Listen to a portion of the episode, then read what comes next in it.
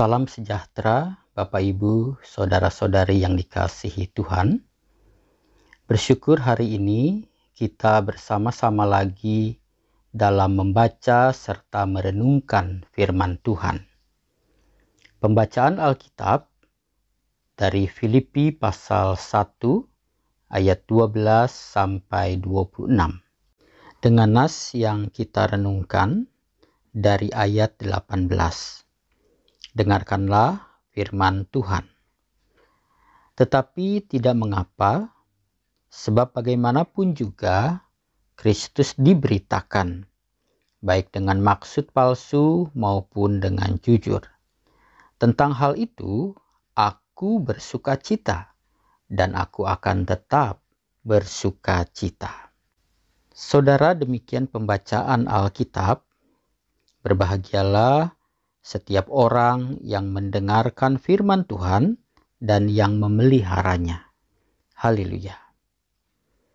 Bapak, ibu, saudara yang dikasihi Tuhan, pada Selasa yang lalu kita belajar bahwa kondisi di sekitar kita atau apa yang sedang kita alami dapat membuat kita merasa tertekan, sehingga kita dapat kehilangan sukacita. Hari ini kita akan belajar bahwa pikiran kita terhadap situasi itu, saudara-saudara, juga dapat membuat kita kehilangan sukacita. Misalkan saja, ketika kita mendengar ada berita tentang apa yang terjadi di Sigi beberapa hari yang lalu, bahwa ada empat orang dari satu keluarga Kristen yang dibunuh, maka saudara-saudara memikirkan hal itu dapat membuat kita merasa tertekan dan kemudian membuat sukacita kita menjadi hilang. Karena itu, saudara-saudara, penting bagi kita untuk belajar menjaga pikiran kita setiap hari dalam hal ini, saudara, kita akan belajar dari Rasul Paulus dalam suratnya kepada jemaat di Filipi. Ia menulis surat ini, saudara-saudara, ketika ia berada di dalam penjara. Namun, meskipun demikian, ia berulang-ulang berkata bahwa ia bersuka cita.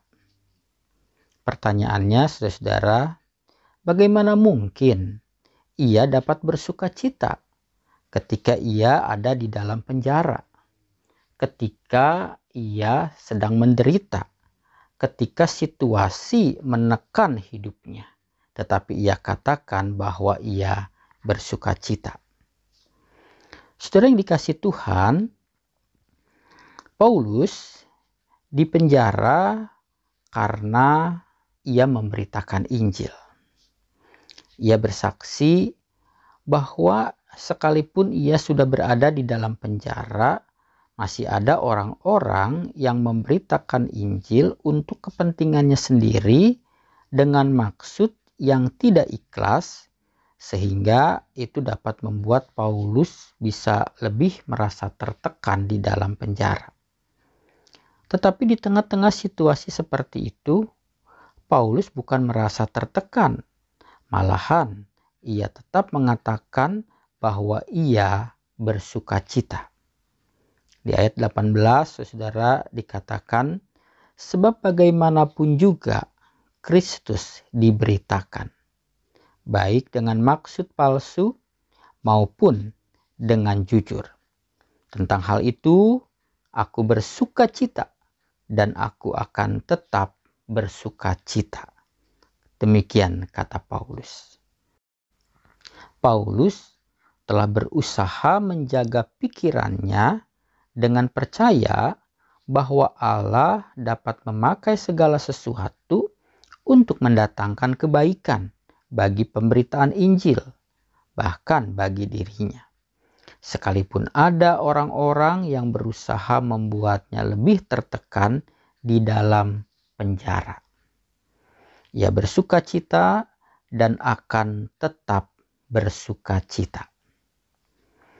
Saudara yang dikasih Tuhan, dalam surat Filipi, Paulus memakai kata-kata sukacita dan bersukacita sebanyak 16 kali. Dalam suratnya ini, saudara, Paulus berulang-ulang membuat pernyataan bahwa ia bersukacita. Ini berarti, saudara, dia berulang kali mengisi pikirannya dengan apa yang ia percayai tentang Kristus dan tentang janji-janjinya di dalam Injil yang ia beritakan. Bahwa Kristus akan memberikan kekuatan kepadanya, tidak ada yang dapat memisahkan dia dari kasih Kristus dan seterusnya. Sehingga dengan begitu, saudara, ia menjaga pikirannya untuk tetap memiliki sukacita di dalam Kristus. Jadi, apa yang kita pikirkan akan menolong kita untuk hidup tetap di dalam sukacita, atau sebaliknya, kehilangan sukacita. Dalam menghadapi tekanan hidup setiap hari, saudara, hal apa yang akan menguasai pikiran kita? Apakah kita akan dikuasai dengan pikiran-pikiran yang penuh dengan ketakutan dan kekhawatiran akan hal buruk yang sedang dan akan terjadi di sekitar kita atau yang akan menimpa diri kita? Atau kita akan mengisi pikiran-pikiran kita dengan janji-janji firman Tuhan seperti yang Paulus ungkapkan di dalam surat-suratnya. Ia mengatakan dalam Filipi 4 ayat 13, segala perkara dapat kutanggung di dalam dia yang memberikan kekuatan kepadaku. Lalu dalam Roma pasal 8, ia pernah mengatakan bahwa Allah turut bekerja dalam segala sesuatu untuk mendatangkan kebaikan bagi mereka yang mengasihi dia. Dan kemudian ia juga pernah mengatakan bahwa kita lebih daripada orang-orang yang menang. Karena tidak ada kuasa apa pun juga yang dapat memisahkan kita dari kasih Allah di dalam Kristus. Sehingga saudara-saudara di dalam perjalanan pelayanan Paulus sekalipun penuh dengan pergumulan hidup, ia mengatakan bahkan di dalam kesusahannya, Bersukacitalah senantiasa di dalam Tuhan. Sekali lagi kukatakan, bersukacitalah. Saudara kekasih Tuhan, di tengah-tengah situasi yang dapat menekan hidup kita saat ini. Marilah kita terus mempercayai janji-janji Tuhan di dalam firman-Nya dan memegangnya serta memikirkannya sesering mungkin.